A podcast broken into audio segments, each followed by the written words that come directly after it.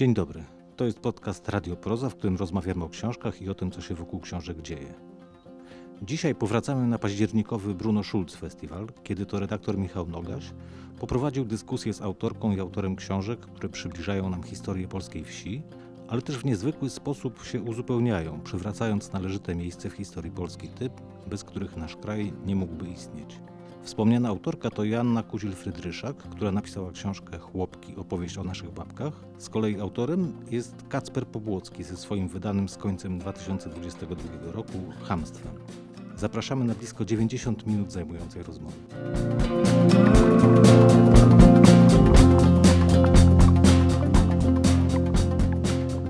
Dobry wieczór Państwu. Witamy na żywo z Wrocławia, z klubu Proza we Wrocławskim Domu Literatury. To jest kolejne spotkanie w ramach Bruno Schulz Festival. Sala w Prozie jest wypełniona po brzegi.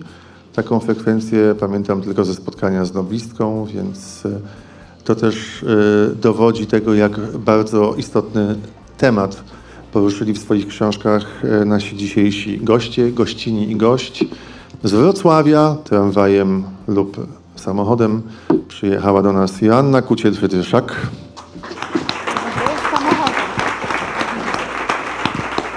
Samochodem przyjechała autorka Chłopek, opowieści o naszych babkach. Książka, która ukazała się w pierwszej połowie tego roku, e, przebiła już nakład 160 tysięcy i dalej się sprzedaje znakomicie, więc myślę, że to było trafione w punkt. Za chwilę będziemy między innymi o tym rozmawiać. Drugim naszym gościem, który przybył z miasta stołecznego Warszawy jest e, swego czasu finalista Nagrody Literackiej Nike, autor hamstwa Kasper Pobłocki. Przepraszam, mogłabym tylko. Halo, halo, dzień dobry, bo ja bardzo cicho mówię, także trzeba chyba. To już jest ten moment, kiedy Joanna przejmuje prowadzenie spotkania, jest dziennikarką z wykształcenia, więc Na sekundkę. nie sprzeciwiajmy się. Chciałam tylko zapowiedzieć, że jest z nami dr Monika Piotrowska-Marchewa, konsultantka moich książek, służące e, do wszystkiego, i, jak również chłopek. Są też z nami partnerka Kacpra i mąż Joanny oraz moja wieloletnia koleżanka radiowa e, z trójki ze studia reportażu i dokumentu Polskiego Radia Magda Skawińska. Proszę o brawa dla wszystkich tych osób. Ten sposób wszyscy nam bliscy zostali zauważeni. Witamy także szanownie publiczność, y, osoby zgromadzone y, tutaj w prozie, organizatorów, osoby techniczne, no wszystkich po prostu witamy i oczywiście widzów w internecie. Chciałem Was zapytać na y, początek naszej rozmowy o wrażenia. Pierwsze było hamstwo. Hamstwo było po ludowej historii Polski, po hamstwie. Nie? W tym mniej więcej w tym samym czasie, bo już tego nie pamiętam, jestem stary, przepraszam. E, Pierwsze były służące. Nie, ale ja mówię. Dziękuję, dziękuję. Tak, oczywiście, ale mówię o, o historii już takiej bardzo, bardzo chłopskiej. E, No, pierwsze były służące, a przed nimi jeszcze była Iła, a wcześniej był Słonimski, tak moglibyśmy iść. E, Ale chodzi mi o to, że po hamstwie pojawiły się chłopki i chciałem was zapytać o wrażenia wzajemne z lektury swoich książek. E, Jak to było? Na co zwróciliście uwagę jako obie osoby bardzo głęboko zainteresowane tematem, o którym piszecie?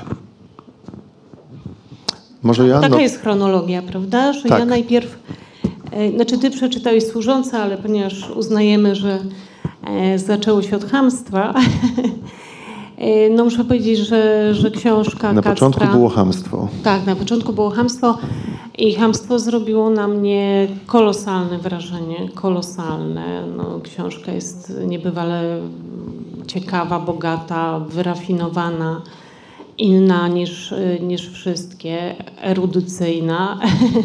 Był to taki zupełnie no, no, no, pe- pełne zaskoczenie, tak, literacko e, na, na bardzo wysokim e, poziomie. Więc mam dużo y, dobrego do powiedzenia na temat tej książki, ale muszę powiedzieć, że jedna rzecz mnie zmartwiła, a mianowicie, kiedy tylko ją otworzyłam, okazało się, że Kacper Popłocki zaczyna wierszem, którym ja również chciałam zacząć i którym zaczęłam potem, ale e, okazało się, że, że wykorzystał e, wiersz Chłopka Anny Świerszczyńskiej, który e, no, również e, już miałam, wiesz, bo, bo, bo, bo już wtedy byłam bardzo zaawansowana. Właściwie mm, Twoja książka ukazała się w 21 roku i ja moją książkę kończyłam. Ona, ja, ja ją dosyć długo pisałam i oddałam ją jakiś czas przed wydaniem. A tak więc miałam już ten wiersz, również na, e, na e, stronie wprowa- wprowadzającej. I, e, I pomyślałam sobie, że to fajnie, no to ty będziesz miała i ja też będę miała. Także tak, tylko 10 sekund byłam skonsternowana. Ale oczywiście wielki, wielki podziw i książka okazała się książką ważną, ale to, to było wiadomo. Dla mnie to było oczywiste od pierwszego, jakby od pierwszej strony. E, Tak, więc jakby dla mnie właśnie e, służące były bardzo ważne, bo e, znaczy projekt Hamstwo dotyczy okresu przeduwłaszczeniowego, w dużej mierze przedrozbiorowego, co oznacza, że no, źródeł jest bardzo mało, bardzo mało jest informacji, zwłaszcza o tych grupach, które są najbardziej nieuprzywilejowane, czyli o kobietach i służących. E, Ja pamiętam, e, jest taka słynna dyskusja e, historyków w XX wieku, czy chłopom było dobrze, czy było niedobrze.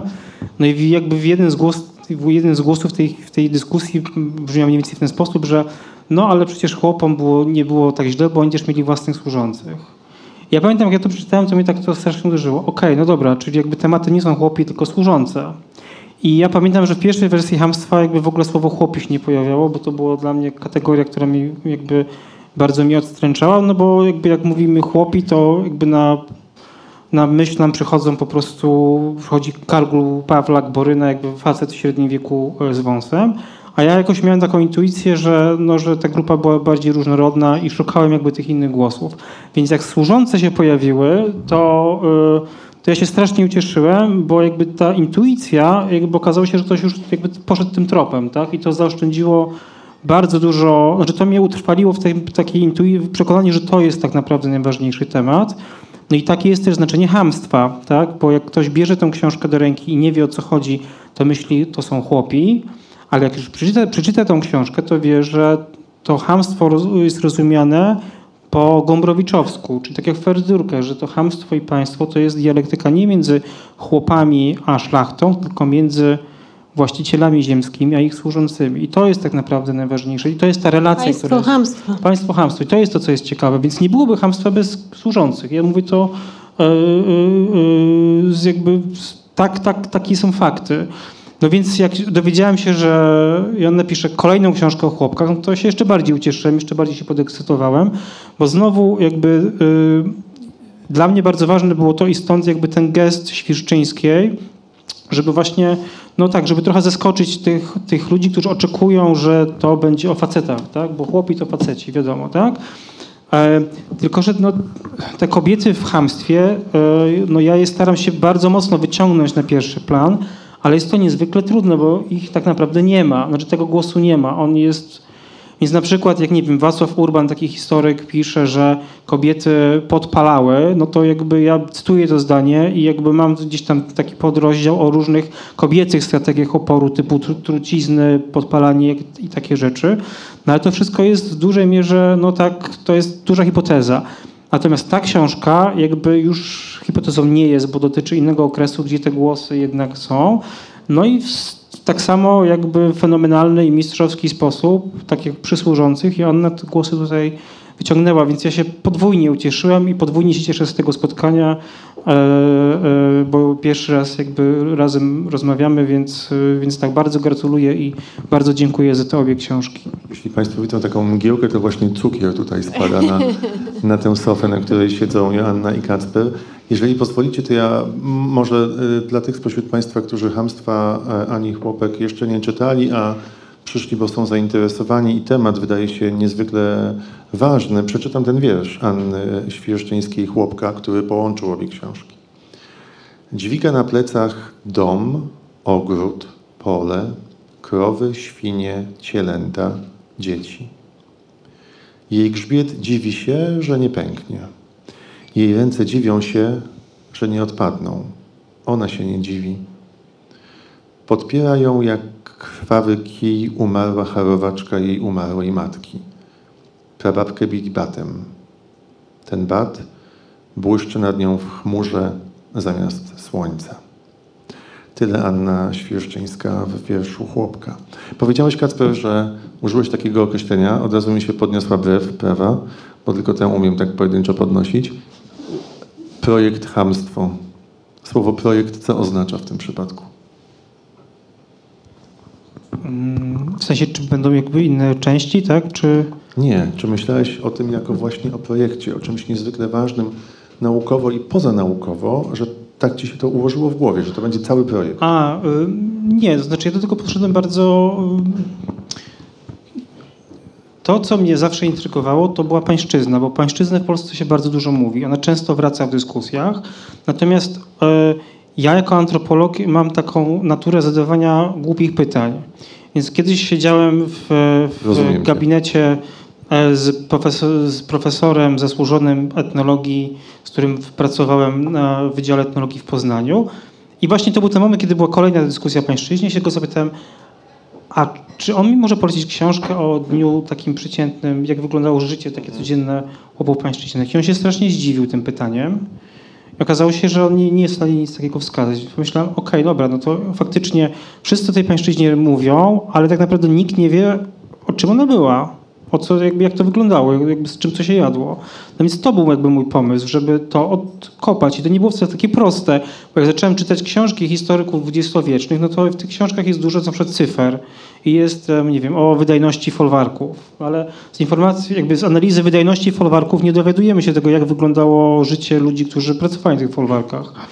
Więc to mnie jakby prowadziło wstecz, do tyłu, tak? I okazało się, że na przykład hi- historycy przedwojenni już bardziej o tym y, pisali, a, z, a pamiętniki chłopów międzywojenne, od których w sumie zacząłem, tam o, o pańszczyźnie jest bardzo mało, ale zawsze jest właśnie tak jak u Świerszczyńskiej, że pańszczyzna równa się przemoc i bicie. To było jakby takie, to był taki, o, taka naj, najbardziej, mm, ta, taka pamięć pańszczyzny to było, to było bicie. Kiedy No i stąd się zaczął projekt o przemocy, bo ja nie planowałem jakby napisania książki w stylu Quentina Tarantino, a tak trochę wyszło. Y, Więc tak, to zaczęło się z takiego bardzo prostego pytania po prostu. Pamiętam, kiedy ukazała się Twoja książka i teraz to też bardzo silnie widać w przypadku Chłopek Joanny. E, Te książki są bardzo ważne dla czytelniczek i czytelników, bo odnajdują w tych książkach opowieść o swoich przodkach. Odnajdujemy większość z nas. Więc chciałbym jeszcze dopytać e, i Ciebie, i Joannę, na ile też to był projekt lub nie projekt osobisty, to znaczy na ile poza tą strefą naukowo-dziennikarską była to także próba dowiedzenia się czegoś o tym, kto był przed nami, a po kim mamy geny, krew, wygląd i tak. No u mnie to było właściwie tak trochę chyba półświadome. Ja mm, dopiero kiedy ko- skończyłam książkę, powiedziałam mojemu mężowi, mm, wiesz, właściwie w tej książce też jest moja babcia Stasia. A moja babcia Stasia, mm, kiedy ją znałam, była już mieszczanką, mogę powiedzieć, czyli żyła w inny sposób niż kobiety, które opisuję. Ale była, mm, miała ludowe oczywiście pochodzenie. Jej rodzina wywodziła się ze wsi. Niestety bardzo niewiele o tym wiem. E, Mieszkała na, e, jako dziecko na przedmieściach e, niedużego miasta, gdzie rodzina hodowała świnie i żyła po prostu jako chłopo robotnicy. Ale ta, y, ta ludowość w niej jakby była, ja to, ja to bardzo wyraźnie czułam, a przejawiała się oczywiście w takim y, y, no, no, jakby w, w, w postawie życiowej I, i, i to dobrze znałam. I, I to było już, nie chcę tego wątku osobistego tak bardzo może tutaj e, ciągnąć, natomiast e, mm, moja babcia bardzo długo nie żyje, ale, e, ale myślę często o jej życiu i myślę, myślę e, ze smutkiem o tym życiu. E, Więc e, jakby nie, nie z takich intencji e, podjęłam ten temat, ale myślę, że duch babci się tam unosił tak nad książką. No, no u mnie też bardzo podobnie, w tym sensie, że dopiero jak ta książka wyszła, bo ja się zorientowałem, że przez nią też jestem w stanie mm, więcej zrozumieć z moich historii rodzinnych. Ja mam taką podwójną. Od strony ojca to jest historia z rodzina szlachecka, od strony mamy to jest rodzina służebna, tak totalnie służebna.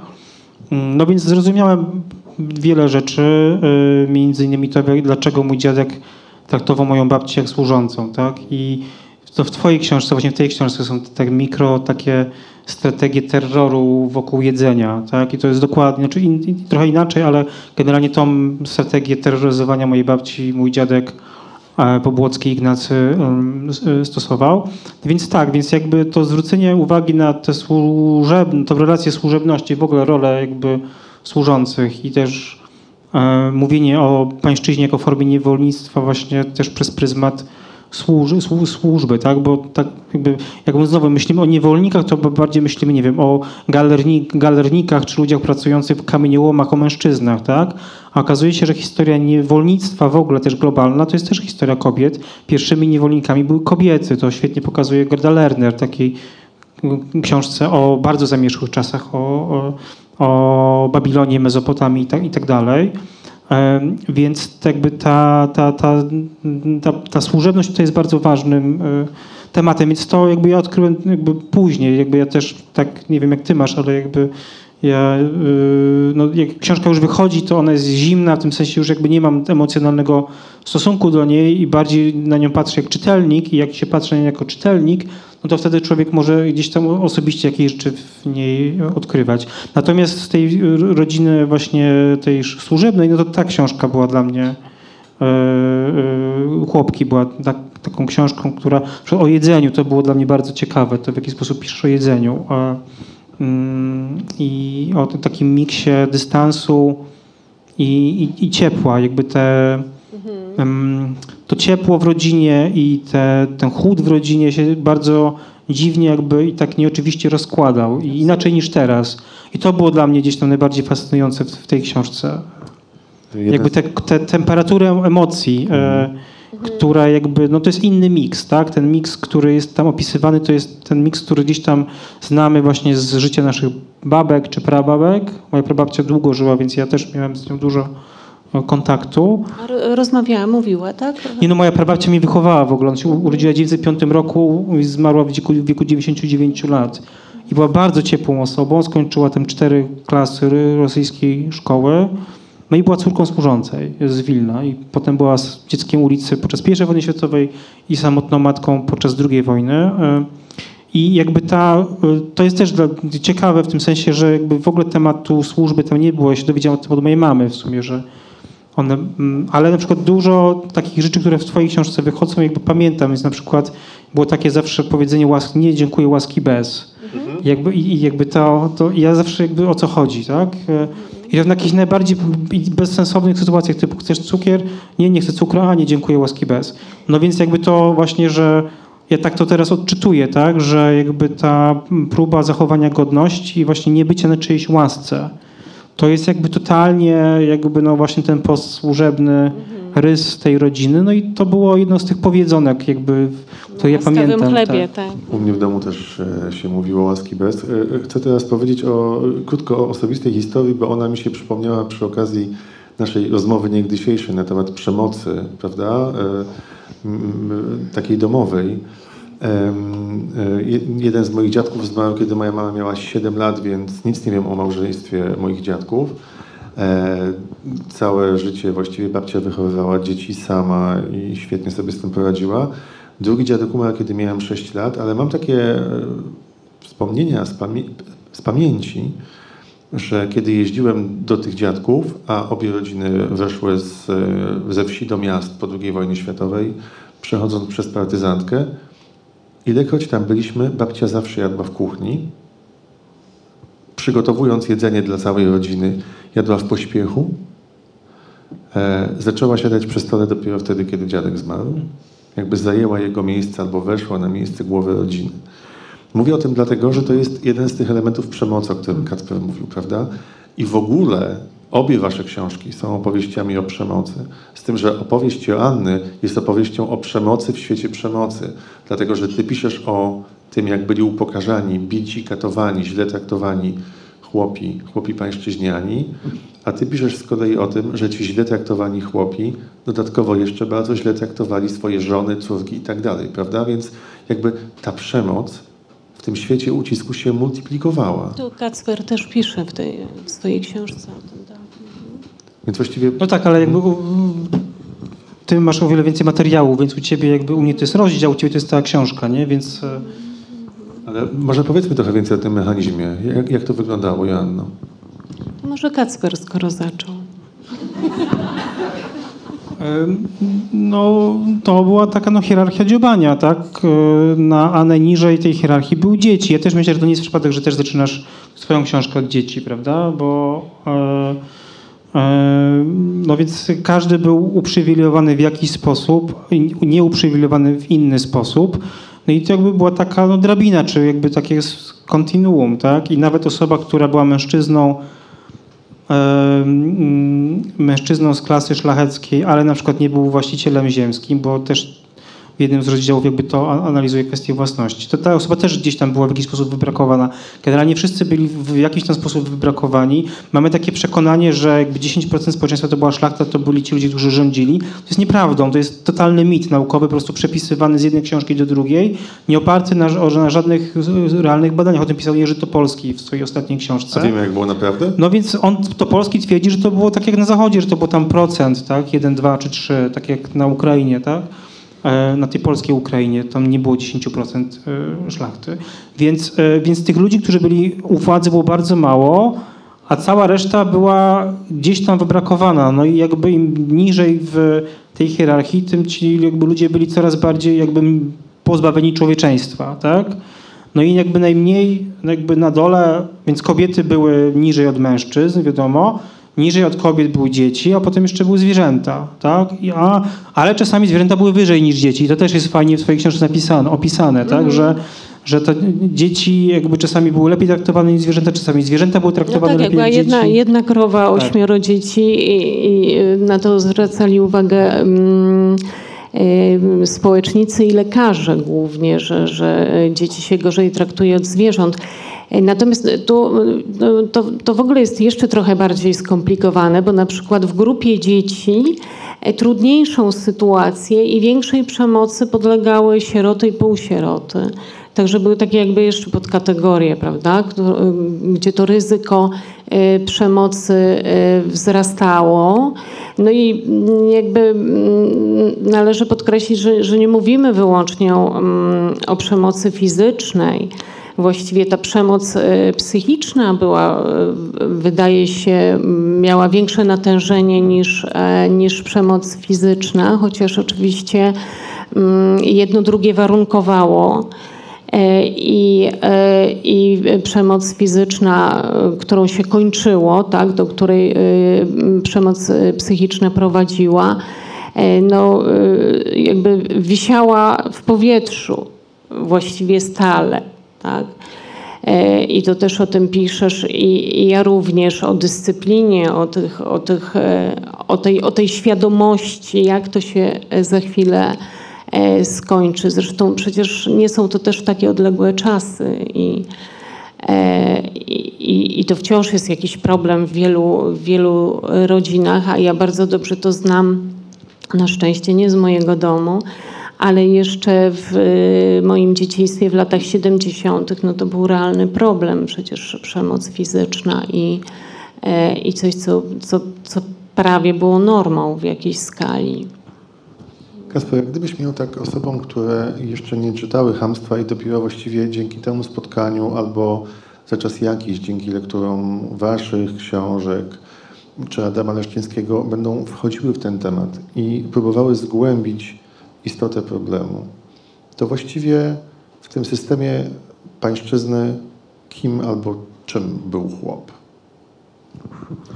Em, No miał bardzo ważną rolę, mm, bo był jednocześnie osobą ze stanu, miał podwójną rolę i podwójną tożsamość, którą też jakby widzimy w słowie chłop, bo chłop to jest jednocześnie osoba ze stanu włościańskiego i mężczyzna. No i ten chłop, ten właśnie Boryna, Kargul i Pawlak, on był z jednej strony gnojony przez tych, którzy byli wyżej, czyli przez szlachtę albo przez urzędników dworskich, którzy często też byli chłopskiego pochodzenia, ale którzy jakby w tej hierarchii byli trochę wyżej. No jego zadaniem było trzymać za pysk całą rodzinę, która tak naprawdę wykonywała większość tej całej pracy. Tak? I też jest taką właśnie to zdanie, o którym, o którym mówiłem na początku, tak? że chłopi nie było im tak źle, bo mieli tych służących, no to ci służący wychodzili na tą pańszczyznę bardzo często. Tak? Więc to oni tak naprawdę wykonywali tą pracę. No więc ten chłop był jakby takim, no, kapo trochę, takim zarządcą. Ja mówimy teraz oczywiście o tej ciemnej stronie, tak? Bo oprócz tej ciemnej strony oczywiście są też jasne strony, w tym sensie, że nie wszyscy mężczyźni decydowali się na tego rodzaju, znaczy nie wszyscy mężczyźni dobrze czuli się w tej roli, tak? Jak rozkładały się te procenty, oczywiście nie wiemy. Tak? Wiemy, że strukturalnie jakby tak ta rola wyglądała i ta książka Hamstwo to opisuje. Ja oczywiście muszę sobie, bo tych mężczyzn, którzy nie decydowali się e, e, na tą rolę, odmawiali jakby e, E, zadawania przemocy, oni na pewno istnieli, ale oni raczej nie przetrwali w źródłach. W tym sensie, że to, jakby to są takie historie, które uciekają. Jest jedna historia Tomasza Noczyńskiego, który właśnie o tym pisze, że on e, doświadczył bardzo dużo przemocy złego w swojej rodzinie, był właśnie sierotą. Doświadczył też dużo, trochę dobrego i on postanawiał właśnie nie przekazywać tego dalej. Więc Trzeba sobie wyobrazić, dopowiedzieć. W twojej książce więcej tego jest, tak? Jakby tych niuansów jest więcej, te niuanse są jakby z krwi i kości.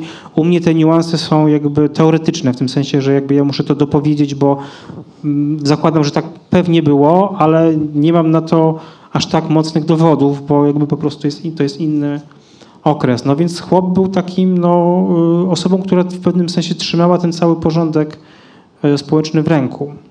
A co to znaczy, jeszcze dopytam, żebyśmy dobrze zrozumieli ten układ sił. E, co oznaczało to wyłamanie się? W jaki sposób można było nie przekazać dalej e, tej roli, albo wymiksować się z tej roli bycia tym nadzorcą własnych służących, czyli swoich bliskich? Jaka wtedy była pozycja, albo co takiego, taką osobę czekało? No, w okresie pańszczyźnianym to trudno mi powiedzieć, tak? w tym sensie, że wydaje mi się, że to no, na przykładzie Nocznickiego to on jest, to jest późniejszy okres, tak? ale jakby mamy jego autobiografię, więc on to jakby sam własnymi słowami opowiada. E, myślę, że Joanna będzie znała lepszą odpowiedź na to pytanie, bo, bo więcej też o tym w książce pisała. Wydaje mi się, że to jest decyzja bycia po prostu dobrym i troskliwym ojcem na przykład. Tak? I e, e, więc to, to są, na pewno musieli być dobrzy troskliwi, e, ciepli e, ojcowie. Nie, nie potrafię sobie wyobrazić, żeby tak tego, żeby tego nie było, tak? Natomiast no, oni jakby przepadli, jakby o nich nie, niewiele wiemy, tak? Z tamtego okresu, mówię, no mówimy o okresie sprzed 1860 roku, tak? Czyli ponad 150 lat temu, dawno temu, więc jakby źródeł mamy tutaj bardzo mało. Dobrze, ojcowie, czyli tacy, którzy na przykład nie robili tego, co robiło wiele osób opisywanych przez Joannę w Chłopkach, czyli na przykład nie wysyłali trzeciej albo czwartej córki do roboty u kuzynów albo u innego chłopa. E, po pierwsze, żeby no, ktoś ją wyżywił, bo rodzina nie była w stanie, bo było 8 osób, jedna krowa, 25-metrowa izba, glina i tak dalej, zamiast jakiejkolwiek podłogi. No, ale też dlatego, że dziecko mogło być pracownikiem najemnym, czyli kimś, kto po prostu przyniesie do domu pieniądze, jakbyśmy dzisiaj powiedzieli, tak? I dzisiaj mówimy do młodej czy do młodego idź zarób sobie na swoje kieszonkowe, to wtedy takie dziecko było zmuszane do pracy, żeby zarobić na przetrwanie rodziny. Tak, przy czym rozumiemy, że, że nie z takich intencji, żeby dręczyć dziecko, tylko żeby przetrwała rodzina i o tym należy pamiętać, że że kiedy mm, także kiedy pokazuje, bo, bo, to również było zachowanie przemocowe, łamanie woli kobiet, y, które, które były zmuszane do y, małżeństw y, de facto sprzedawane i one się też tak czuły za morgi. Powiedzmy, że powodem była chęć zabezpieczenia interesów tej kobiety, prawda? E, więc, e, e, więc my to wiemy. Jak, jaki to potem przybierało obrót, czy musiało to tak wyglądać, to już jest inna rzecz, prawda? Bo to zwykle była bardzo krótka droga i, i jakby wola, wola ojca, czy w ogóle rodziców, bo to mm, władza rodzicielska w tych rodzinach była silna, również matki.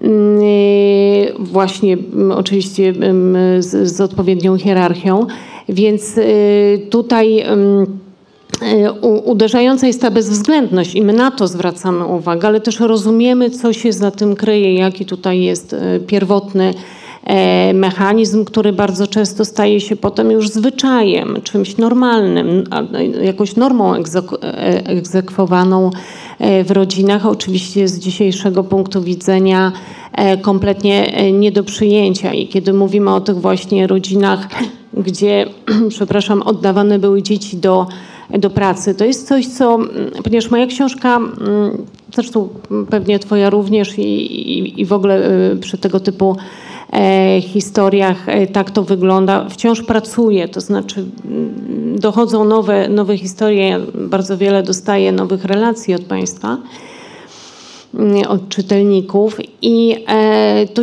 to też mi się pojawia, jakby pogłębia ten wątek e, dzieci oddawanych do, e, do rodzin, do rodzin obcych, do rodzin krewnych, do rodzin, które mm, po- pomagały utrzymać te dzieci. Na ogół mm, był to układ polegający na tym, że dziecko po prostu pracowało, pracowało za wikt i opierunek. I teraz, ponieważ właśnie ja piszę w gruncie rzeczy o czasach nieodległych, o, o, o, o takim momencie, kiedy my mamy jeszcze tę pamięć w rodzinach bardzo często, czasami nikłą, ale często mamy. I, e, I dzieje się coś takiego, że bardzo wiele osób mi mówi, mój dziadek, moja babcia, to były takie dzieci oddane. I one, te dzieci, żyły z takim poczuciem, potem już jako ludzie dorośli, że właściwie nie rozumieją, dlaczego one.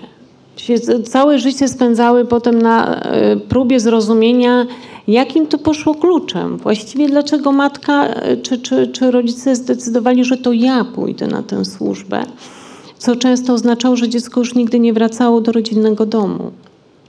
E, Więc zaskakuje mnie skala, bo, bo rzeczywiście takich relacji mam sporo, ale też pokazuje to, jak, jak głębokie są te no, rany, powiedziałabym, w rodzinach, e, trochę górnolotnie może, ale jak to się, e, jak to się przechodzi, e, prze, przenosi na kolejne generacje, już oczywiście w innym stopniu i, i, i natężeniu, ale jak to żyje, powiedzmy tak.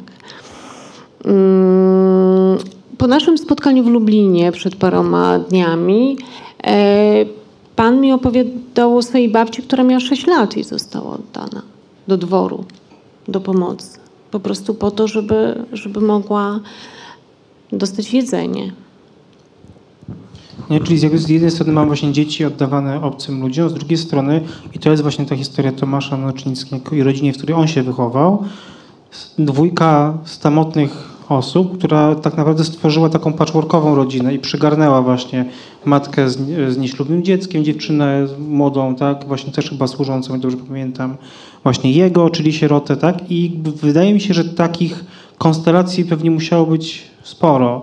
E, Michał Narożniak w książce Niewolnicy modernizacji, też świetnej, e, o pańszczyźnie na Kielecczyźnie, właśnie też opisuje taki cały kobiecy, kobiecą e, taki dom właśnie, że już nie pamiętam szczegółów, ale to właśnie chyba zmarli rodzice, więc siostry założyły, jakby przyjęły gospodarstwo, ale tam się też ktoś inny dokleił, więc jakby takich konstelacji opartych nie na taką, nie na, nie, nie na zasadzie rodziny nuklearnej, tylko jakby takich przygodnych, e, przy, posklejanych konstelacji musiało być bardzo dużo. Żeby tak? przetrwać tak, po prostu. Tak, no i tych Mhm. ludzi jakby widać, że ich, no tak można to wyczuć z tych, jakby z tych relacji, że no ich tak coś, coś sklejało, tak? Jakaś forma, nie wiem, no miłości to być może dużo powiedzieć, jakiejś czułości czy troski, tak? Więc jak- Wspierania się tak, wzajemnego. Ym, Podejrzewam, że część z Państwa może znać taką, ta, takie sytuacje z opowieści rodziny, kiedy umierała kobieta i jej siostra stawała się żoną mężczyzny. To był bardzo częsty scenariusz w rodzinach. Po prostu jakby mm, poza dyskusją ustalano, która z sióstr y, zostanie żoną męża siostry, która właśnie zmarła i to się zwykle bardzo szybko odbywało, ponieważ zostawały dzieci, mówię o takiej sytuacji, prawda? Zostawały dzieci, k- którymi należało się zająć i zjawiała się siostra. Ale piszesz też o tym, jeżeli mogę dopowiedzieć e, po lekturze chłopek, e, no, no, że zdarzało się tak, że to były bardzo młode dziewczyny, e, często dopiero dojrzewające seksualnie, więc nie mające instynktu macierzyńskiego, a były właściwie wkładane w rolę matek i potem się nie wieś albo mąż uznawali, że się jako matki nie sprawdzają i właściwie były wyganiane z tego domu i już były przeklęte. I dopóki nie znalazły e, partnera, który był w stanie rozpocząć z nimi nowy rozdział życia, to właściwie żyły na marginesie, bo już miały jakąś łatkę przypiętą, prawda? Teraz Wam chcę powiedzieć coś i Państwu o tym, jak pracuje pamięć i kwestia skojarzeń a propos lektury różnych książek. Rozmawiałem dzisiaj z Anną Bikont o jej nowej książce Nigdy nie byłaś Żydówką i to jest opowieść o dziewczynkach, które przeżyły wojnę w ukryciu, o żydowskich dziewczynkach i tam jest taka scena o żydowskich rodzinach ukrywających się w lesie, uciekających przed polskimi partyzantami. Zresztą wstrząsające są te relacje, które po raz kolejny wywracają ten stolik opowieści o tym, że dobrzy Polacy i tak dalej, w przeważającej większości. I jest tam opowieść o tym, jak jedna rodzina zginęła, ponieważ małe, pięcio czy sześcioletnie dziecko w stanie przerażenia i szoku nie miało jeszcze świadomości, że musi milczeć, uciekając i po prostu zakrzyczało mamo. I rozległa się seria karabinów i wszyscy zginęli w tym lesie. Mówię o tym dlatego, że kiedy wspominacie o tych dzieciach oddawanych na e, usługi w cudzysłowie albo nie w innych rodzinach, dzieciach chłopskich, to też jest jakiś taki rodzaj znęcania się psychicznego. Przecież te dzieci nie były jeszcze emocjonalnie na tyle, nie miały emocji wykształconych, żeby w ogóle zrozumieć. To właściwie mogły sądzić, że są niepotrzebne, niechciane, zbędne. Do widzenia, nie chcemy cię już znać, powiedziała matka albo ojciec, prawda? Tak. Dzisiaj, dzisiaj to rozumiemy i dzisiaj tak na to patrzymy. Ta, e, e, ta matka m, prawdopodobnie tak sobie tego nie interpretowała wówczas. Chciałem teraz o jeszcze jedną rzecz y, Was zapytać, która też się wyłania z lektury obu książek i którą też sobie być może człowiek uświadamia, kiedy jest już po pierwszej albo drugiej lekturze i te książki pracują. Obie książki są też opowieścią o ciele, o stosunku do ciała. E, To ciało, o tym Kacper dużo pisze i Joanna zresztą też oczywiście, no z jednej strony było potrzebne, bo zapewniało wykonywanie pracy fizycznej, a z drugiej strony ono nieustająco doznawało opresji. Więc właściwie, gdyby myśleć o takim procesie uprzedmiotawiania ciała i w ogóle chłopa, no to, to właściwie w dużej mierze jest o tym, prawda Kacper? Znaczy tak, u mnie też jakby mm, pójście w kierunku cielesności jest, było jednym ze sposobów jakby wyjścia z tego klinczu braku informacji, prawda? Bo jeżeli nie mamy głosów, nie wiemy, co ci ludzie mówili, albo mówili bardzo mało, albo mówili tylko na jakiś konkretny temat, a na wiele innych tematów nie mówili, no to możemy, to jak możemy jeszcze inaczej się czegoś o nich dowiedzieć? Możemy zobaczyć, co robili. I jeżeli jakby zaczniemy analizować to, co oni robili, to wtedy też jakby wychodzi, możemy też się więcej od nich e, dowiedzieć. Tak? Czyli na przykład no, to, że chłopi uciekali. Tak? Jest cała dyskusja w dwudziestowiecznej historiografii o tym, że polski chłop był potulny, bo się nie buntował. Prawda? Bo jakby nie było powstań chłopskich. Było oczywiście, ale to już jakby jest inny temat. E, No więc okej, więc, y, więc teraz trzeba jakby tą informację osadzić w jakimś innym kontekście. Jeżeli zrozumiemy, że ci ludzie mieli gdzie uciekać i uciekali do takich obszarów, gdzie tej pańszczyzny nie było, czyli do lasów, e, w góry, tak? no to nagle ta strategia, jakby to, co oni robili, niekoniecznie mówiąc o tym dużo, jakby nagle jakby staje się, w, jakby mamy w innym świetle, zaczynamy to inaczej rozumieć. No Więc ta książka jest utkana jakby z tego rodzaju jakby an- analiz, tak, które opierają się na tym, co te ciała robiły. Na przykład dla mnie było jakby największym odkryciem takim moim wewnętrznym, taką eureką, która ustawiła całą książkę, było zrozumienie, że ci ludzie żyli w świecie bez maszyn. Tak? Bo my żyjemy w świecie, w którym wszystko, znaczy wiele rzeczy jest zautomatyzowane, więc dla nas to jest oczywiste, że rzeczy, rzeczy dzieją się same. Oni żyli w świecie, w którym nic się nie samo nie działo. Wszystko trzeba było zrobić. I teraz ogrom pracy, tak, którą trzeba było wykonać, żeby coś się wydarzyło, było ogromne. Więc te wszystkie, ta cała niewidzialna praca, praca właśnie służących kobiet jakby była jeszcze cztery razy większa, tak, bo nie było pralek, nie było zmywarek i tak dalej, i tak dalej. Więc to, a to się też przekłada na inne rzeczy, na takie rzeczy powiedzmy duchowe, czyli na przykład na to, że oni wierzyli, że jak komuś się dzieje skrzywda, to ktoś musi za tym stać. Tak? Stąd jakby to wierzenie magiczne. My sobie tłumaczymy rzeczywistość, od, odwołując się często do właśnie bezosobowych, jakichś abstrakcyjnych procesów typu, nie wiem, niewidzialna ręka rynku czy globalizacja. No dla nich, I to wynika z tego, że żyjemy w świecie maszyn. Że dla nas to jest gdzieś tam, potrafimy sobie wyobrazić, że rzeczy dzieją się same. Dla nich to byłby, to byłby totalny kosmos i totalnie jakby dziwne.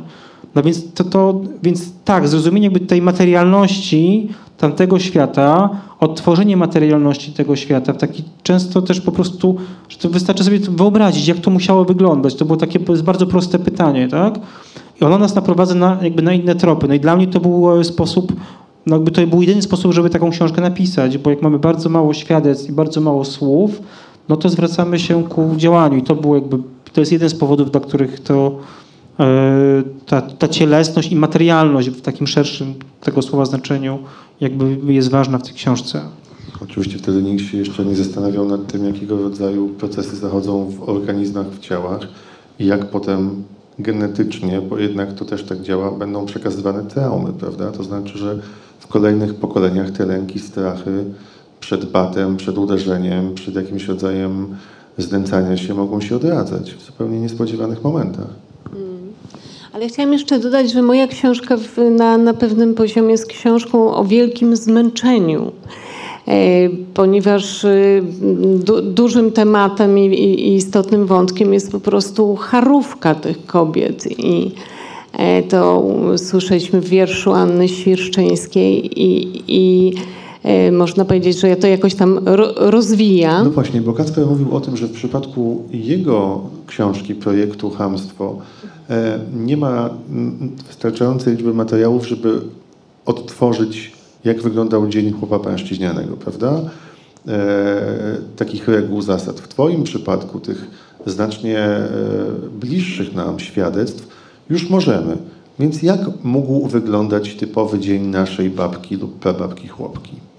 Ja to mniej więcej pokazuję, chociaż e, muszę powiedzieć, że, że to też nie jest tak, że tych materiałów jest tak wiele, w takich, w, jeśli chodzi o detale. Mnie na przykład to bardzo interesowało, o, których kobiety, o której godzinie wtedy kobiety, wtedy, czyli 100 lat temu, w dwudziestoleciu międzywojennym e, kobiety się budziły, jak, kiedy zaczynały ten dzień. I mm, muszę powiedzieć, że, że, że takich opracowań wiele nie mamy, ale udało się jakoś tak wysupłać głównie z. Y, z korespondencji właśnie y, chłopek, y, z, też z czasopism i no to, to jest powiedzmy trzecia, trzecia między trzecią a czwartą kobieta wiejska wstaje, tak? Y, Pracuje mniej więcej 18, o- 18 godzin. Y, Były badania, które pokazały, że pracowała y, 15% w skali roku więcej niż mężczyzna. To nie znaczy, że ciężej, ale dłużej. E, No i rozumiemy, że to mm, wynikało z tego, że poza pracą w polu, poza zajmowaniem się inwentarzem, e, zajmowała się po prostu domem. I to właściwie tak od początku do końca. Czyli, e, czyli była na nogach najdłużej. I to myślę, myślę, że to była reguła, e, od której mogły być wyjątki. Ale, e, ale w, w, w polskich warunkach to była norma, że, że pierwsza wstaje kobieta i, e, i naturalnie ostatnia się kładzie. Nie wiem, czy mogę mówić w czasie przeszłym, zawahałam się, ale wtedy to była norma y, w, dwudziestoleciu. Co więcej, wiemy, bo zachowały się moim zdaniem kapitalne relacje ludowców, mężczyzn, którzy jakby w taki świadomy sposób y, próbowali patrzeć na tę e, niesprawiedliwość, którą spotyka kobieta, ko, ko, która spotyka kobiety i przyznawali, że kobiety zostawiane są z e, pracami domowymi, e, że są przeciążone, jakby potwierdzali i, i popierali postulaty lekarzy i, i społeczników, którzy mówili o tym, że mm, wiejska kobieta, mając lat 30, wygląda na staruszkę. Kobieta z mojej kładki, ona nie jest stara. Wygląda jak staruszka, ale to nie jest stara kobieta.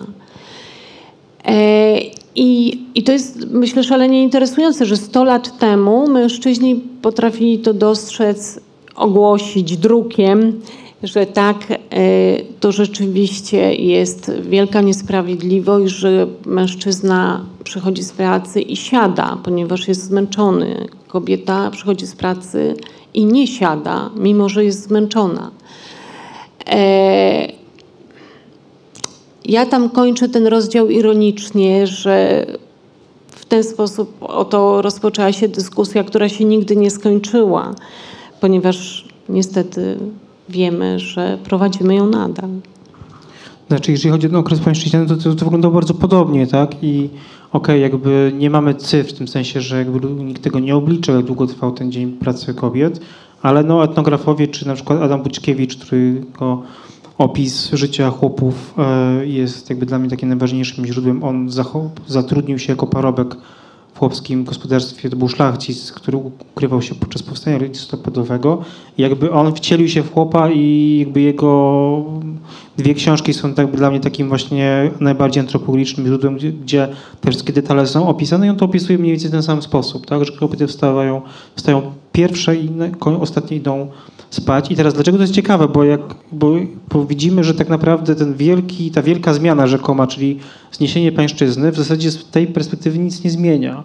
Znaczy zniesienie pańszczyzny jest istotne tylko i wyłącznie dla chłopów. Dlaczego? Dlatego, że oni nagle mogą zacząć posiadać oficjalnie ziemię i jakby mogą, jakby ich władza jest jakby, pod, jakby robi się większa, w tym sensie, że oni mają, oni tak naprawdę realnie na tym zyskują. Tak? Natomiast te inne osoby, które są bohaterami tych wszystkich trzech książek, jakby dla nich to w zasadzie się nic nie zmienia. Z perspektywy tego szarego dnia to jest mniej więcej to samo. Wielką zmianą jest pralka, tak? To jest ten moment, który o, to jest ten, ten rok, w którym, ta- to jest ta data, którą powinniśmy się uczyć w szkole, tak? Ja, ja pamiętam, ja też do doktoratu czytałem perlowską prasę i to był ten, lata 60., to był ten moment, kiedy pralki zaczęły realnie wchodzić do, e, do polskich domów. No i to, była, to był totalny game changer. Znaczy pralka jest być może najważniejszym jakby... Frania. Tak, jest najważniejszym, ma, najważniejszą maszyną XX wieku tak naprawdę, tak? A przynajmniej Choć i tak to przecież jeszcze nie była taka pralka jak dzisiaj. Ale dalej dla kobiet, wiesz? Ale dalej używało. dla kobiet. Tak. Tak, tak. No bo, no bo pranią znowu zajmowały się kobiety, także to jakby zmieniło życie kobiet głównie. Chociaż mężczyźni często przenosili franię. Podobno frania była takim sprzętem integrującym rodzinę, ponieważ mężczyzna musiał ją gdzieś tam wydobyć. Nie wiem, czy są to osoby, które pamiętają. Ja pamiętam. Bardzo ciekawy wątek AGD nam się tu pojawił w dyskusji. Ale pamiętasz, że ostatnio też był motyw prania. No tak, no myślę, że generalnie e, Frania, jeżeli chodzi o motyw prania, to jeszcze nie był taki całkowicie wyzwalający moment, prawda? Bo jednak trzeba było e, prze, prze, Przenosić. przepuszczać, wyrzymać i tak dalej. Dopiero jak się pojawiły automaty, że wkładasz, wychodzisz, pika ci po godzinie, wywieszasz i tak dalej, to jest dopiero sytuacja zupełnie inna.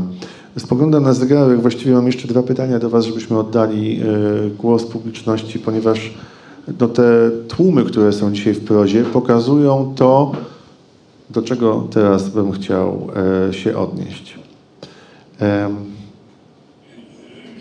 Zaczęły się pojawiać książki na temat naszej chłopskiej przeszłości i jakoś sobie zaczęliśmy radzić z takim pokutującym przez lata czy dekady poczuciem wstydu wynikającym z, z racji pochodzenia.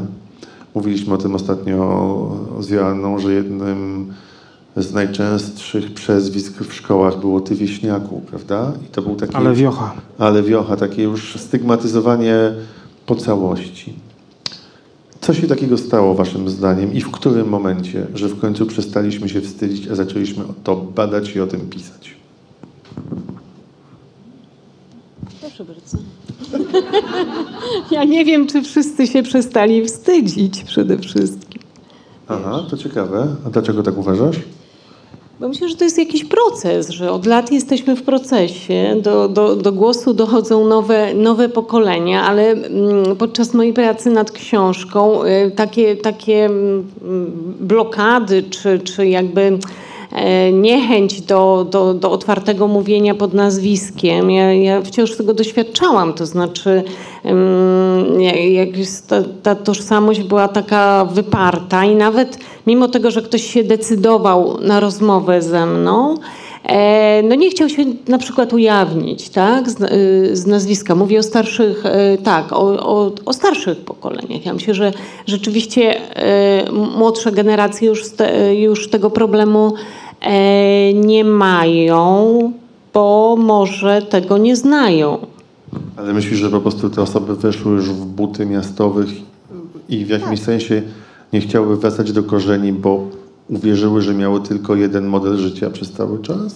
Nie, wiesz, nawet nie, bo mówiły o tym, ale nie na tyle, żeby być e, jakby identyfikowanym w ten sposób, tak, rozpoznanym. Czyli, e, czyli no, rozumiem, że, to, że w tym je, była jakaś trudność. Być może e, chodziło o pamięć właśnie mm, tego, co, co, co doznawali kiedyś tam wcześniej, tak bo mimo wszystko wydaje mi się, że, że, że w tej chwili e, to wygląda trochę lepiej, nawet jeżeli mm, inwektywy się e, pojawiają, chociaż mówię to cały czas z takimi większymi wątpliwościami, z dużymi, e, z dużymi wątpliwościami. Nie wiem, jakie jest twoje zdanie. Czy to rzeczywiście jest za nami? Mm, znaczy, ja bym trochę. tak, to wszystko jest, wydaje mi się, prawda. Jest jeszcze inna rzecz, która też wydaje mi się tłumaczy, dlaczego teraz o tym możemy rozmawiać. I y, wydaje mi się, że to jest efekt jakby takiej cichej, mozolnej pracy iluś tam pokoleń kobiet. I ty to świetnie pokazujesz w chłopkach, opisując na przykład to, w jaki sposób matki, pomimo tego, że były zapracowane, zmęczone, głodne, wycieńczone i tak dalej, jakby inwestowały w edukację swoich dzieci.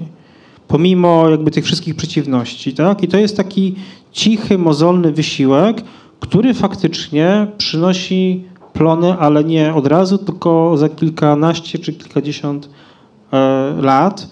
E, no nie wiem, dla mnie na przykład oczywiste jest to, że nie wiem, ja sprzątam, gotuję, piorę, bo tak mnie wychowała moja mama, tak, która wychowywała dwóch chłopaków i ona, dla niej to było bardzo ważne, żeby nas nauczyć samodzielności, więc myśmy sobie bardzo szybko zaczęli sami, nie wiem, robić kanapki i tak dalej. Ona nas nie obsługiwała i ona bardzo celowo to zrobiła i świadomie. Więc jakby i takich, i jakby więc ten jakby wysiłek taki właśnie pozornie, pozornie drobny, pozornie nieznaczny, a on się kumuluje. Znaczy, to jest, ja, się też na tym zastanawiam, dlaczego teraz o tym rozmawiamy, a nie 20 czy 30 lat temu. E, i też jest tak, że ludzie o tym mówili. To nie jest tak, że o tym nie mówili, tak? Jest na przykład świetna książka Wisława Myśliwskiego Pałac, która jest totalnie o przemocy seksualnej. Znaczy to jest druzgocąca książka. Tam jakby tam wszystko jest kawa na ławę. Wydana chyba w 72 roku. Tylko, że myślę, że wtedy nie została odczytana tak, jak ją odczytujesz Została tak odczytana, bo ja to sprawdziłem. Nie no, wtedy jakby re recenzje y, z lat 70. było totalnie o tym, że to jest o przemocy, o dawnych relacjach feudalnych. Zupełnie. Tylko potem jakoś, z jakichś powodów to znikło. Jak teraz się weźmie tą książkę do ręki, to tam z tyłu jest taki opis tam o egzy- egzystencjalne dylematy człowieka, y, walka tam życia ze śmiercią, bla, bla, bla, bla, bla. No więc jakby ja teraz też właśnie czytam więcej tej literatury chłopskiej, tam jest dużo tych rzeczy. Więc to, to nie jest tak, że ludzie o tym nie mówili, ale z jakichś powodów jakby nikt nie chciał słuchać. Wydaje mi się, że to był ten po... Więc jakby te głosy zawsze gdzieś tam były, ale jakby nie było jakoś tej uważności i nie było chęci faktycznego wsłuchania się e, w to. I teraz, i teraz ta, ta, ta uważność jest, z czego się e, bardzo cieszę. Ale przypom- sobie, że w, na jednym ze spotkań y, pani, która pracowała jako etnografka bardzo długo, powiedziała mi coś takiego, że właściwie w tej, w tej mojej książce Chłopki jest to, czego ona nie mogła jako etnografka nagrać czy zarejestrować, y, pracując, tutaj się mówię o latach 60. i 70., bo kobiety e, prosiło o wyłączanie, o wyłączanie po prostu tego sprzętu i nie chciały o tym powiedzieć. E, I jej zdaniem e, no, to mogą opowiedzieć dopiero następne generacje, prawda? E, Czyli ten ciężar był tak e, ogromny, no, umiemy to sobie chyba wyobrazić. No, to jest taki typowy przykład, y, znamy to z psychologii, walki z traumami. Pierwsze pokolenie doznaje przemocy, drugie wie, ale milczy, a trzecie zadaje pytania, żeby cały ten proces w rodzinie się zakończył, aby czwarte pokolenie już szło przed siebie bez tego ciężaru. Z czego można wnioskować, że dla wielu kwestia chłopskiego pochodzenia była jednak ciężarem. Myślę, że tak. Myślę, że, że wiele, wiele tych osób miało jakieś, ży, żyło z jakimś takim e, poczuciem, no właśnie, mm, nie wiem czy piętna, ale czegoś, co, od, od, od czego y, próbowali, próbowały te osoby uciekać. I e, no, właśnie to są te, te osoby, które, które być może u mnie nie chciały występować e, pod nazwiskiem, które e, też pojawiają się w, chł- w chłopkach takie, takie motywy, ale też bardzo dużo w relacjach już powojennych, kiedy ludzie awansowali społecznie, przenosili się do miast, bardzo intensywnie się zmieniali, odcinali się od swoich rodzin. Zresztą ten problem był już w dwudziestoleciu międzywojennym. Między innymi ta wieś też zmieniała się bardzo powoli, dlatego że ludzie się kształcili, ale nie chcieli wracać na wieś. Po prostu za wszelką cenę. Ja tam kilkakrotnie powtarzam takie zdanie, wieś to miejsce przeklęte. Więc jeżeli ktoś się wykształcił, to e, na przykład, nie wiem czy ty Kacper na, na takie relacje natrafiłeś, że wsie organizowały takie uroczystości, uro- no, takie uro- uroczystości, na których spotykały się osoby z wyższym wykształceniem na wsi. Ja tu mówię teraz o okresie międzywojennym. I to po prostu cała wieś mogła zobaczyć tych z wyższym wykształceniem. I tam ja, ja to czytałam z przyjemnością, bo zawsze szukałam kobiet. I tam zawsze była jedna, ale to, to zwykle była rzeczywiście jedna, na przykład po seminarium nauczycielskim. E, mm, dziewczyna z chłopskiego, bogatego domu, bo, bo tak się zdarzało, prawda? E, I tam, nie wiem, trzech inżynierów, powiedzmy pięć osób. No, ale to było naprawdę niebywałe osiągnięcie dla tej wsi i oni organizowali takie, e, takie uroczystości, tak? Więc potem z kolei mnóstwo relacji o tym, że y, nie, właściwie nie znam babci, bo nie jeździliśmy do babci, bo mama moja nie chciała jeździć do babci, bo tam wciąż była Sławojka. Było niemiło, było nieładnie, pachniało brzydko i tak dalej, tak? Babcia mówiła dziwnie, babcia mówiła gwarą. Nie rozumiałam jej.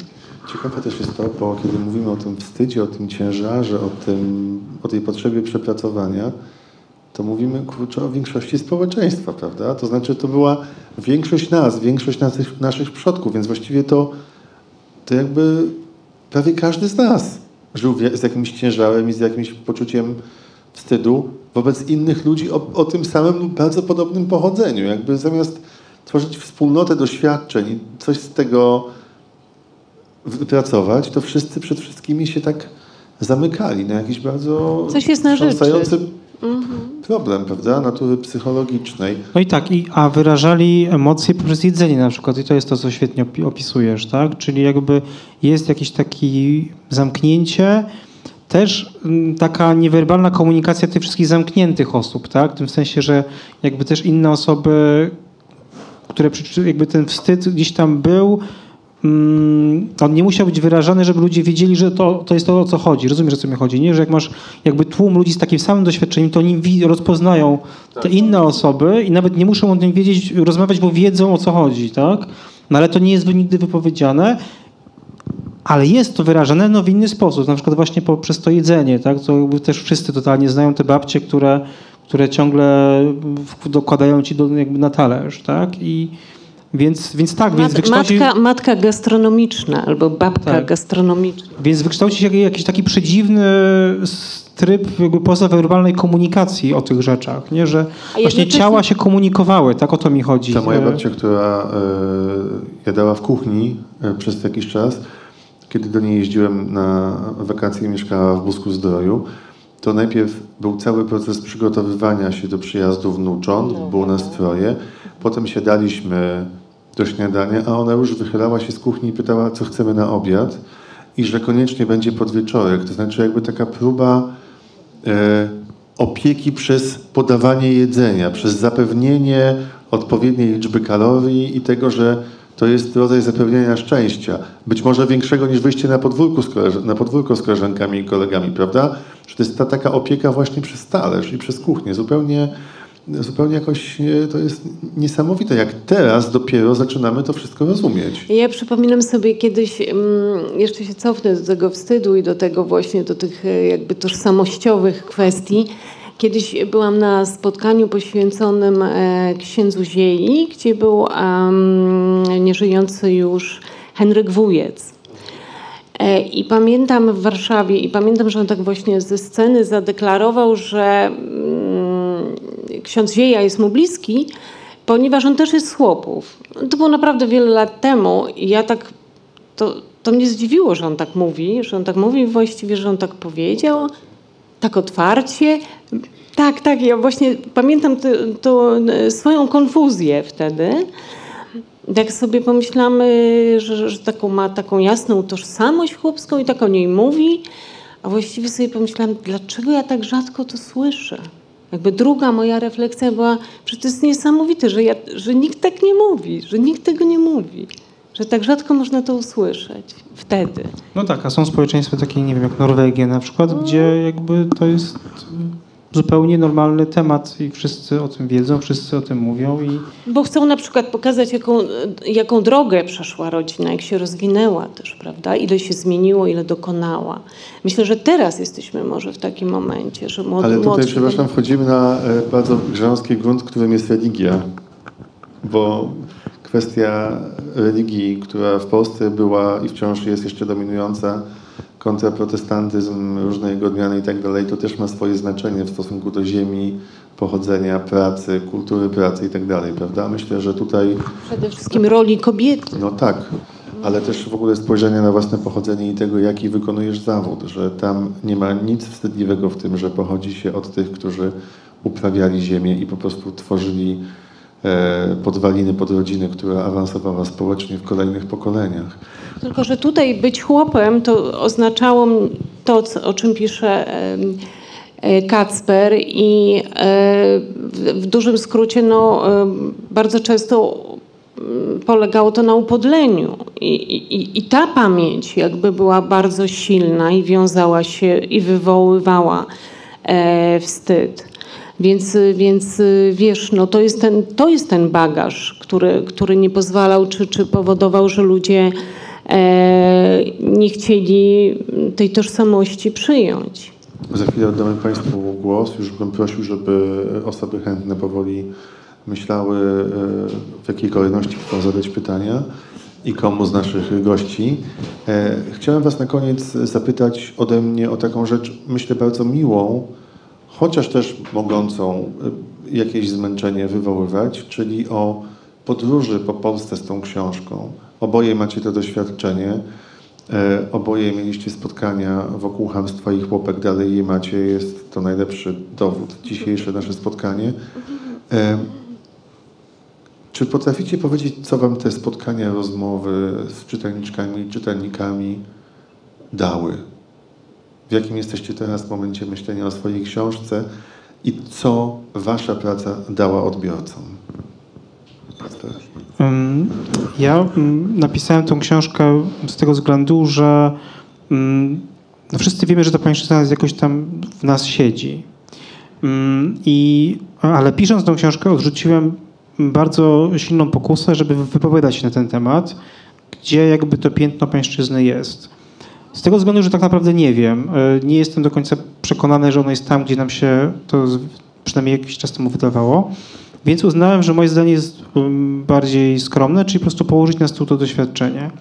A zadaniem czytelników jest, jest odpowiedź na to pytanie, tak? Bo jakby to są takie dwa etapy pisania, że najpierw jakby próbujesz wy- wyrazić to, co chcesz powiedzieć, A jak już to wiesz, to potem tak naprawdę w pewnym sensie projektujesz doświadczenie czytelnicze, tak? Czyli ja pisząc tą książkę bardziej się zastanawiam, co się będzie działo w głowie czytelnika, czy, czytelniczki. I bardzo się cieszę, że, żeby, że to zadanie od, oddałem czytelnikom, bo te wszystkie spotkania i rozmowy, czy też właśnie maile i tak dalej, to ludzie jakby piszą, co, jakby jak oni widzą to piętno pańszczyzny dzisiaj, czy ten cień pańszczyzny. I to są często bardzo inne jakby opowieści niż to, co by mi przyszło do głowy. Więc bardzo się cieszę, że tego nie zrobiłem i chyba dla mnie takim największym zaskoczeniem właśnie było to, że takie najbardziej em, e, konkretne historie, które dostaję, to są często od rodzin poszlacheckich, a nie od rodzin chłopskich. Co mnie naprowadziło na taki trop, że być może ta trauma pańszczyzny, konkretnie pańszczyzny, w tych rodzinach chłopskich została gdzieś tam przerobiona.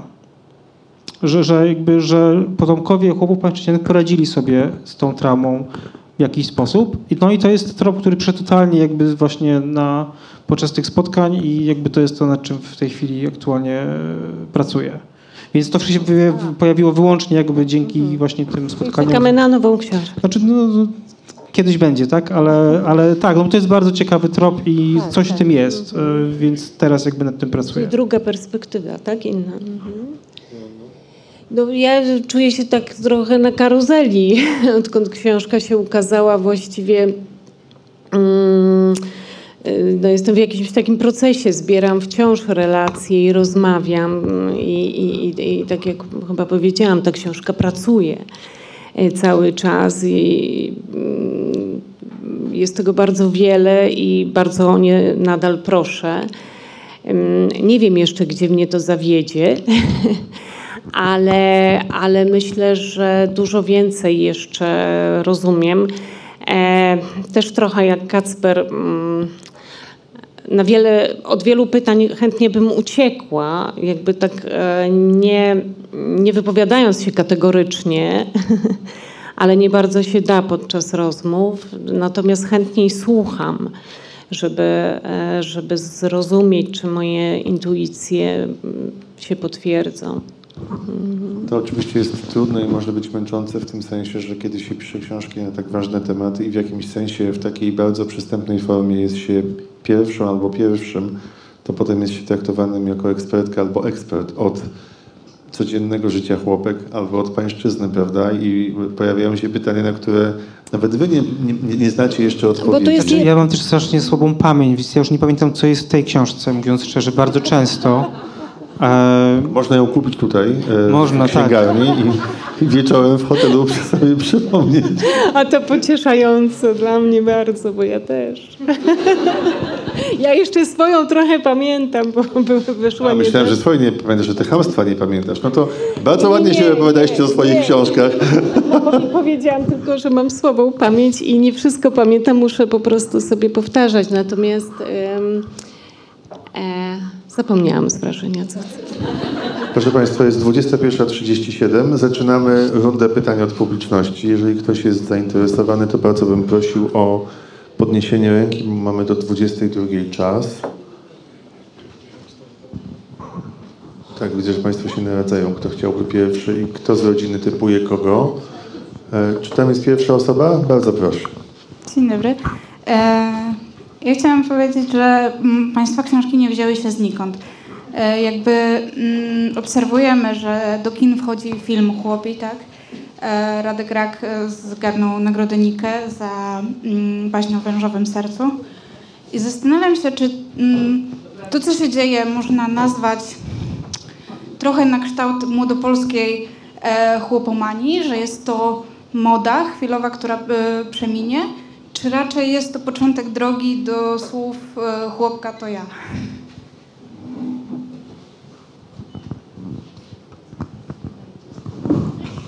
Może ja skrócę to albo jakoś podzielę to na dwie części. Kto mam powiedzieć? Czy waszym zdaniem, powtórzę i podbiję, bo też przy okazji akurat właśnie filmu, nie waszych książek się pojawił to, pojawiło to pytanie, czy to jest jakiś element, czy albo jakaś nowa odsłona chłopomanii, zupełnie inna niż przy okazji wesela opisanego przez Wyspiańskiego i tak dalej. Ja w ogóle tak tego nie traktuję. Znaczy, zupełnie to nie jest w ogóle to. To, to, jest, to jest rozmowa o nas. Ja to traktuję śmiertelnie poważnie I e, nie, żebym się obrażała, ale, ale nie, nie, wydaje mi się ten termin w ogóle nie trafiony, nie o tym. E, Być może jest ktoś, kto się na chwilę tutaj tym zafascynuje, ale kiedy, kiedy mówię o swoich wrażeniach po spotkaniu z Państwem, z czytelnikami, że ludzie traktują to naprawdę bardzo serio. Odnoszą to do siebie, rozmawiają o sobie, zastanawiają się nad sobą. Ja wiążę z tym jakby duże nadzieje, może zbyt duże ale myślę, że to jest dla nas zdrowe i, i absolutnie nie nazwałabym tego modą. To no, oczywiście opadnie temperatura tych dyskusji, ale coś, jak, jak wierzę, urodzi, tak? coś z tego dostaniemy. Więc dla mnie to jest coś bardzo y, świetnego, co się dzieje. I my jesteśmy, rzeczywiście, to jest jakiś taki nasz kamyczek, ja to też tak czuję. W- Jest nas przecież więcej, którzy zajmują się tą tematyką, ale wszyscy jakby pracujemy na, na to samo. Ja rozumiem na jakąś taką dojrzałość społeczną, tak? E, używając jakichś większych słów. I tak na to patrzę. Znaczy, żadna z tych dwóch książ- trzech książek nie powstałaby, gdyby nie osoby, które napisały książki, które są w bibliografii. Em, Ja na przykład bardzo nie lubię tego pojęcia zwrot ludowy, który się pojawił, to najczęściej historycy o tym mówią. E, Ja jestem antropologiem. Najstarsze pismo antropologiczne po polskie nazywa się Lud przez U otwarte E, i powstało w XIX wieku, więc jakby pisanie o tym to jest jakby to, do czego została stworzona antropologia. Em, Wolę dyskusję o chłopskim nurcie w polskiej literaturze, którą, która jakby zapoczątkował Henryk Bereza w latach 70., czyli 50 lat temu, pokazując, że to jest jakby element jakby naszej tożsamości, naszej kultury po prostu. I teraz czasami on jakby wychodzi na pierwszy plan, czasami wychodzi na plan drugi, natomiast jakby ten temat zawsze był i zawsze jest. I można poczytać książki na ten temat z lat 90., 80., 70., 60. Być może one wtedy wychodziły w mniejszych nakładach niż dzisiaj, ale jakby no, to jest jakby cały czas no, dyskusja, która się toczy, która, Wraca, prawda? Która- Tak po, powraca. Mhm. która się też rozwija, tak? O to mi chodzi, że jakby, że są pewne głosy, które się też zmieniają, pewne nowe spojrzenia na to samo się pojawiają, bo zmieniają się czasy e, i na inne rzeczy zwracamy uwagę. No jest to ważny filar jakby naszej tożsamości. E, I nie tylko w Polsce, jakby w wielu krajach, e, no jakby w wielu miejscach na świecie ży, ludzie żyją około 100, i mówię teraz o chamstwie, o pańszczyźnie, tak? Żyją około 150-170 lat po końcu jakiejś formy przymusowej pracy. Tak? I to jest dokładnie ten moment, kiedy, kiedy koń, te 100, 150, 150 lat to jest ten koniec, e, to jest ten, ta, ta, ta ściana, do, do której jakby doprowadza nas pamięć rodzinna, bo w rodzinie pamiętamy, nie wiem, dziadków, czasami pradziadków, tak jak ja, no to jest właśnie te 100, 120, 150 lat maksymalnie, tak? No więc teraz doszliśmy do tego momentu w wielu miejscach na świecie, że ludzie jakby wracają do tego doświadczenia, bo ono już jest, prawie zaraz zniknie. To jest ten moment, kiedy już już jakby nie będzie tak naprawdę e, ani odrobiny cienia jakby tego doświ- doświadczenia w codzienności, w też takich relacjach y, rodzinnych, więc ta dyskusja się w wielu miejscach pojawia, nie tylko y, w Polsce. U nas jakby ona dotyczy chłopstwa, pańszczyzny służących, bo taka była specyfika jakby tam tego modelu społe, spo, społeczeństwa, ale no tak, to jest ważna część naszej toż- toż- tożsamości, więc nie nazywałbym tego ani modą, ani chłopą. Manią, ja rok temu prowadziłem zajęcia na Polskiej Szkole Reportażu, są takie właśnie pytanie, czy to już jest, czy ten temat jest passé, bo ja zapytam się, bo ktoś powiedział, kto powiedział? No, bo wcześniej prowadziła zajęcia jakaś znana bardzo redaktorka z dużego polskiego wydawnictwa, no ja wtedy powiedziałem, że właśnie niedługo wyjdzie książka Chłopki i być może, no więc okazało się, że nie, tak? No i teraz co chwilę ktoś będzie mówił, że, ten, że to jest moda i temat jest passé, okazuje się, że nie, tak? Że on żyje i ludzie chcą o tym rozmawiać. No ja muszę przyznać, obserwując też e, komentarze, które zawsze są źródłem frustracji, ale też czasami e, niezłym e, jakimś takim, no, e, no, no, traktujemy to jako badanie naukowe, tak bym powiedział. I przy okazji rozmów z Kasprem, kiedy ukazywało się Hamstwo i byłeś w finale Linkę i teraz przy okazji rozmowy z Joanną w gazecie, w której pracuję, że w tych komentarzach na temat obu książek jednak e, w przeważającej większości na temat, co już bardzo dobrze świadczy o wadze te, i skali oddziaływania książki.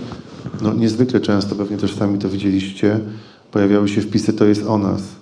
To znaczy, że ludzie mają tę świadomość i że wreszcie zaczynamy na to patrzeć nie przez pryzmat wielkiego polskiego dramatu, który się odbywa w Bronowicach.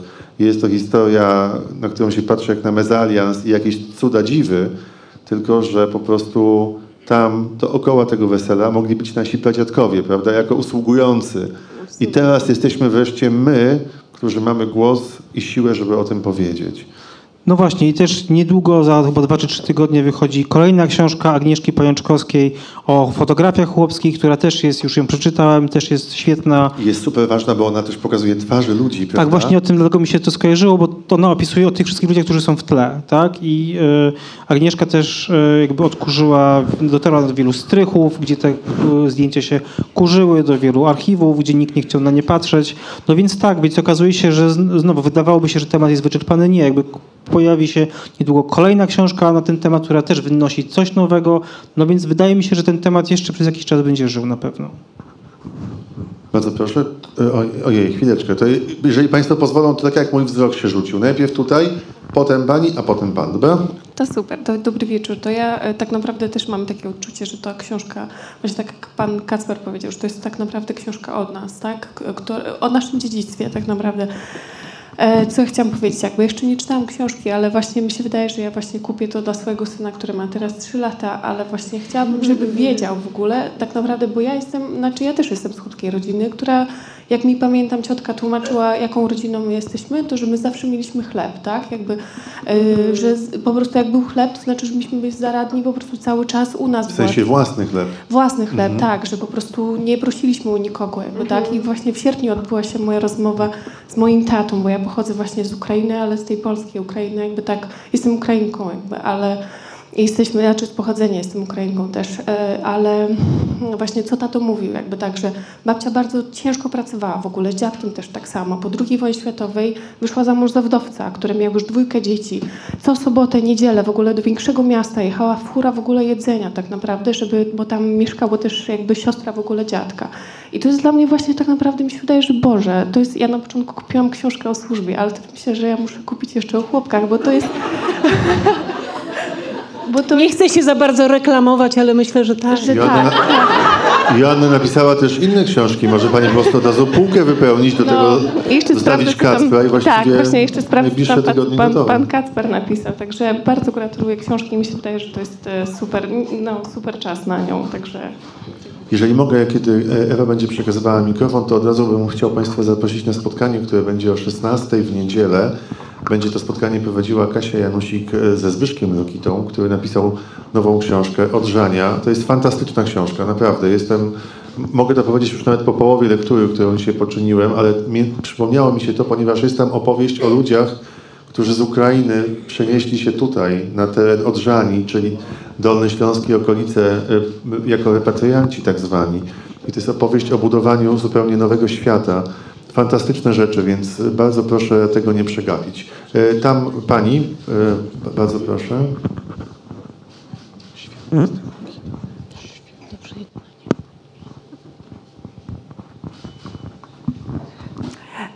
Książka y, Chłopi i y, Chłamstwo i chłopki jest książką o wstydzie, o wstydzie pochodzenia. Y, Ja chciałam mm, zapytać i miałam taką refleksję słuchając Państwa, czy y, współcześnie nie bliższy nam wszystkim jest problem wstydu małomiasteczkowości wobec wielkomiejskości? Czy to nie jest jakby kontynuacja tego chłopskiego wstydu? I czy nie myślicie Państwo y, pisać coś na ten temat? Bo pańszczyzna, chłopki, to było dawno, to są sprawy historyczne, możemy o tym wiedzieć albo nie wiedzieć. No tak, ale problemem współczesnym jest y, wstyd małomiasteczkowości. Świetne pytanie. Pełna tylko powiem, że 7 czy 8 dekad to wcale nie jest tak dawno w historii naszych rodzin, prawda? Jakby nam się wydawało. Kacper. Nie, no ja nawet napisałem jakiś taki akademicki tekst, bo ja się pierwotnie zajmowałem miastami e, i podział miasto-wieś jakby w Polsce jakby już nie istnieje tak naprawdę. Znaczy ten świat, który dzielił się na miasto i wieś jakby odszedł. Tak jakby nie jesteśmy w stanie e, przed wojną było tak, że ludzi, którzy mieszkali na wsi, od razu było widać. Znaczy oni wyglądali inaczej, mówili inaczej, zachowywali się inaczej, tak?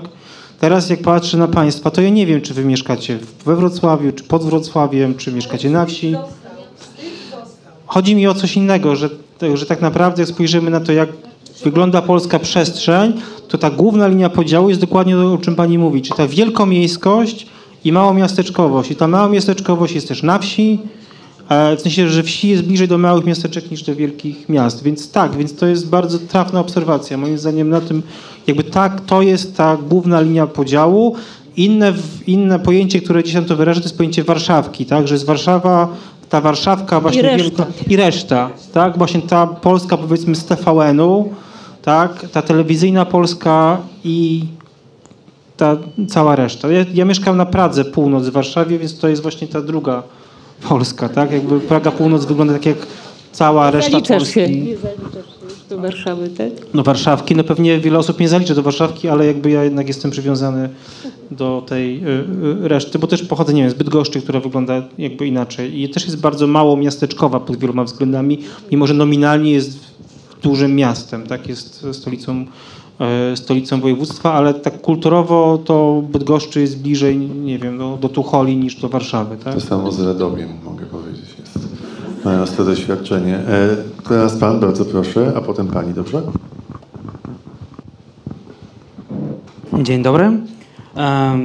Dzięki bardzo za rozmowę. Chciałbym zapytać, wiecie takiego pisarza jak e, Szolochow, Michał Szolochow, który zrobił taką książkę Cichy Dum.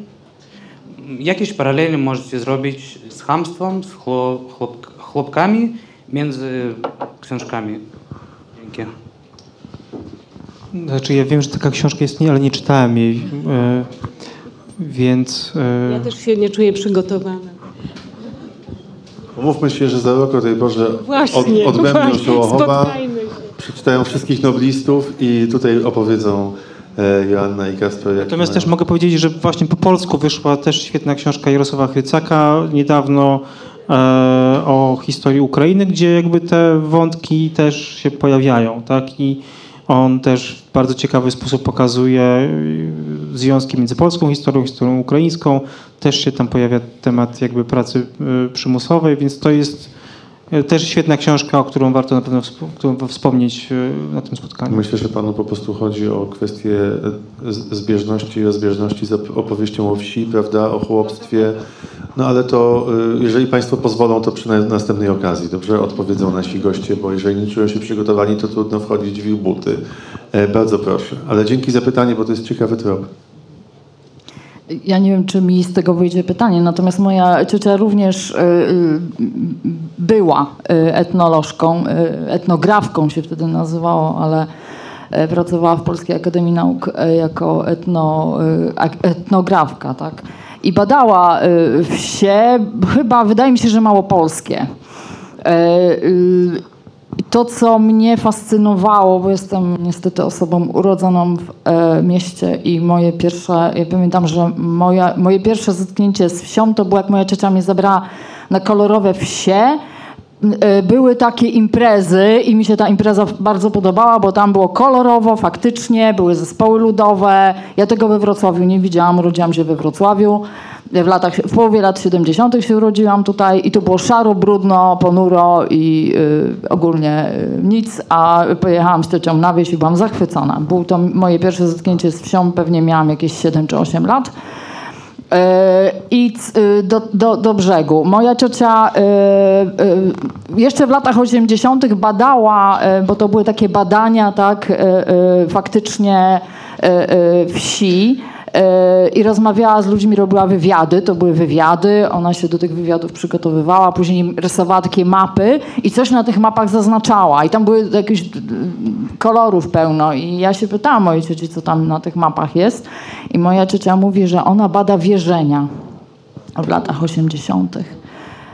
Ci ludzie mieli niesamowite wierzenia. Te wierzenia dzięki temu, że, y, że wieś przetrwała, to przetrwały no, nie, nie, nie znam żadnej publikacji, natomiast te, te, te staro jeszcze słowiańskie wierzenia, które e, e, tylko na wsi przetrwały, przetrwały przez to, że ci ludzie je przechowywali. Oni jeszcze w latach 80. potrafili mojej cioci powiedzieć, że po wsi chodzi planetnik, albo tam ktoś rzucił urok. I moja ciocia y, tego oczywiście słuchała z pełną powagą. Mo- Mojej cioci to nie trafiało jakby do, do, do te, te wierzenia, no bo to zderzenie trochę kulturowe, ale też dzięki temu, że wieś przetrwała, no to przetrwało całe ziołolecznictwo, które i te wszystkie wierzenia, więc my, my tak naprawdę mamy ogromne zasługi wobec tych ludzi, tak, którzy, no, y, którzy jednak przechowali masę wiedzy w tych swoich tradycjach.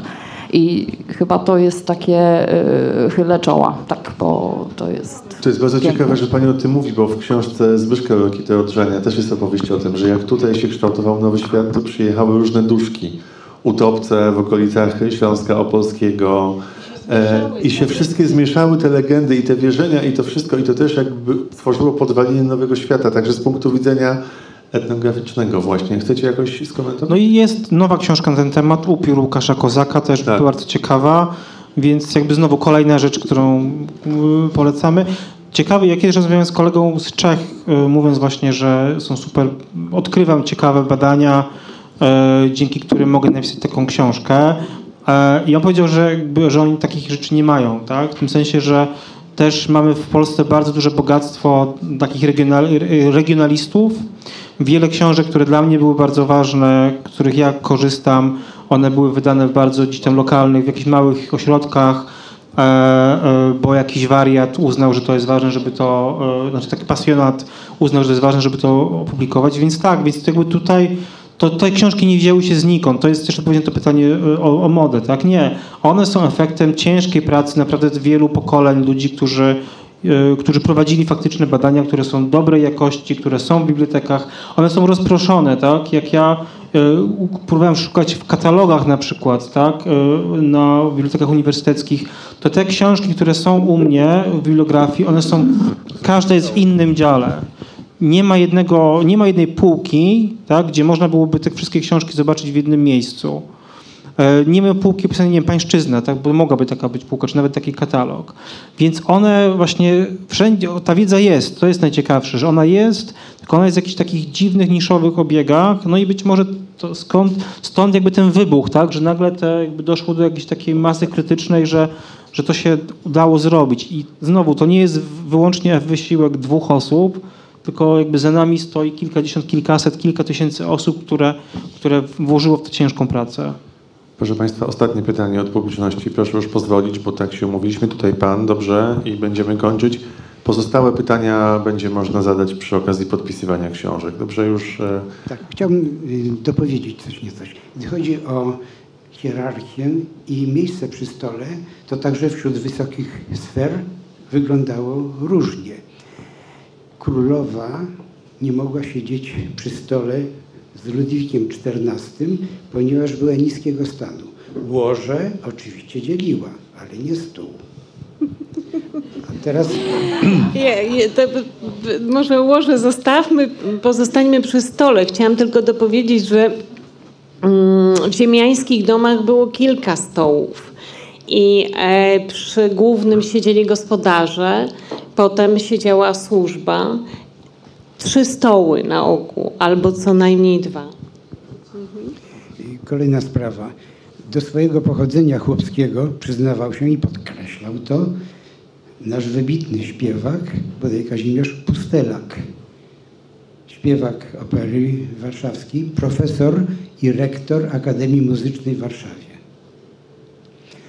Niedawno w towarzystwie moja rówieśnica, 80-latka, przyznała się, ja pochodzę ze wsi co było dla mnie dziwne, ale i powiedziałem, my wszyscy mamy w herbie cepy. Dziękujemy bardzo. Proszę Państwa, e, będziemy kończyć. Za chwilę będzie czas na autografy i rozmowy już takie bardziej kuluarowe i prywatne. Chcę powiedzieć jeszcze o jednej ważnej rzeczy. Nie bez powodu o tym mówię teraz na zakończenie spotkania na dwie godziny przed końcem kampanii.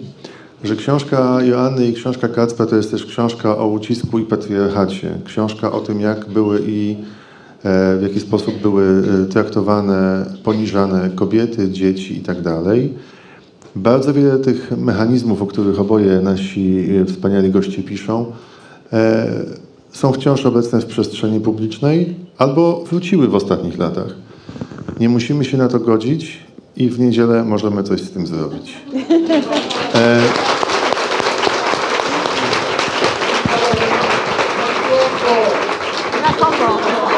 To jest tyle, co mam do powiedzenia. Państwo są na tyle oczytani, że wiedzą na kogo. Joanna Kuciel-Fedryszak i Kacper Pobłocki byli naszymi gośćmi. Bardzo Państwu Dziękujemy dziękujemy. Życzymy spokojnego wieczoru i e, powodzenia w niedzielę. Do zobaczenia.